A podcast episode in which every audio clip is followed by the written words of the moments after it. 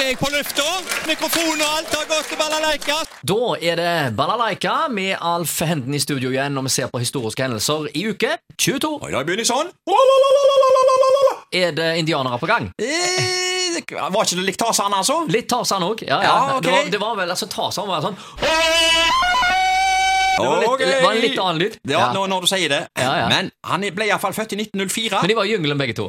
Det var de! Men det var den første i 1904. Johnny Weissmuller. Han var jo egentlig amerikanske svømmer og skuespiller, eh, først og fremst. Han vant jo OL-gull i 1936. Men som sagt, først og fremst Tarzan. Han, Ja. ble ta han, han, det var, han var den ekte Tarzan. Når det var var det. noen andre som var Tarzan, så var det ikke helt det samme. Nei, nei, nei, stemmer Nei. det. Det Ja. måtte være han. 1988, da var det òg en fødsel av en fotballspiller, Sergio Aguero. Argentinsk fotballspiller, da. Angrepsspiller. Trofégrossist for Manchester City.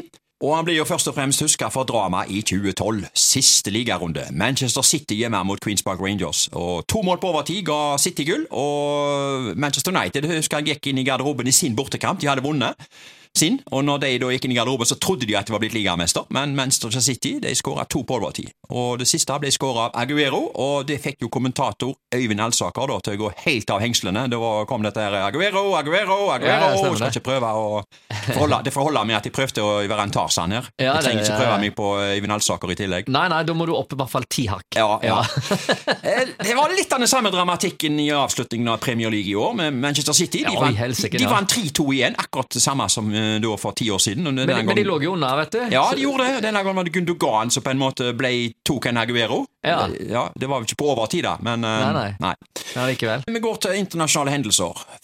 455, det er lenge siden det. Vandalene erobrer Roma, og plyndringen pågår i to uker.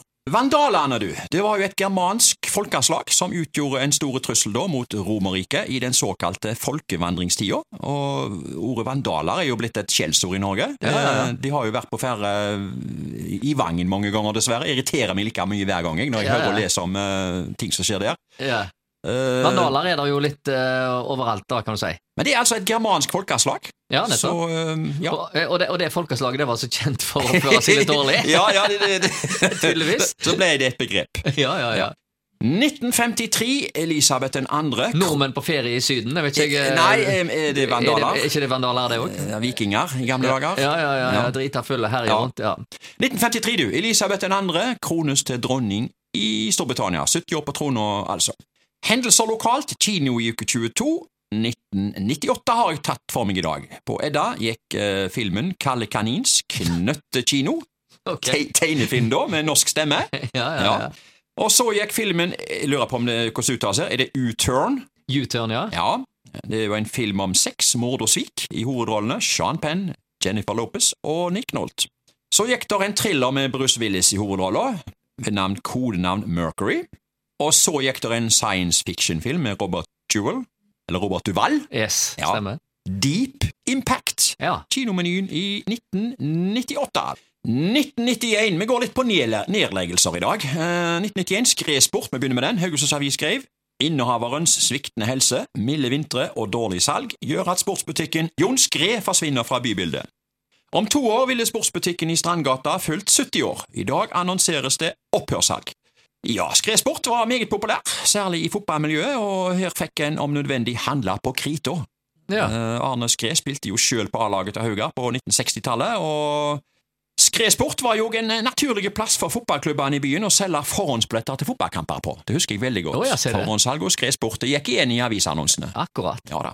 Det var en skikkelig fotballplass, og butikken eh, var egentlig ikke så store, og, men de hadde enormt med varer. Jeg skjønner ikke hvordan de som jobba der fant fram til alt, altså, Mm. Nei. av skruer og Jeg, jeg kan huske at eh, mor mi kjøpte fotballsko med knotter til meg der eh, Ja, ok. en gang. Da var, jeg- da var jeg med for, for å passe at dette, dette skulle passe, og jeg ble så glad i de eh, fo- fotballskoene med knotter at jeg til stadighet gikk inn med de Ok, på kjøkkenet, Ja og da vel. ble det sånne svarte streker. det, eh, det, det husker vi. Ja. og det var Ja. ikke populært. Nei, det husker jeg veldig godt. Ja. Når jeg tenker meg om, så kjøpte jeg jo et par fotballsko på Skred. Det var, det var der vi gikk og handla, altså. Det var det. Ja, ja, ja.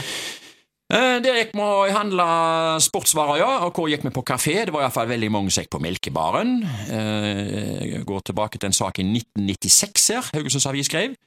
Mandag er det over og ut for Melkebaren i Haugesund. Den tradisjonsrike kafeen i Sørøygata 145 har for liten omsetning, og derfor er det nå kroken på døren.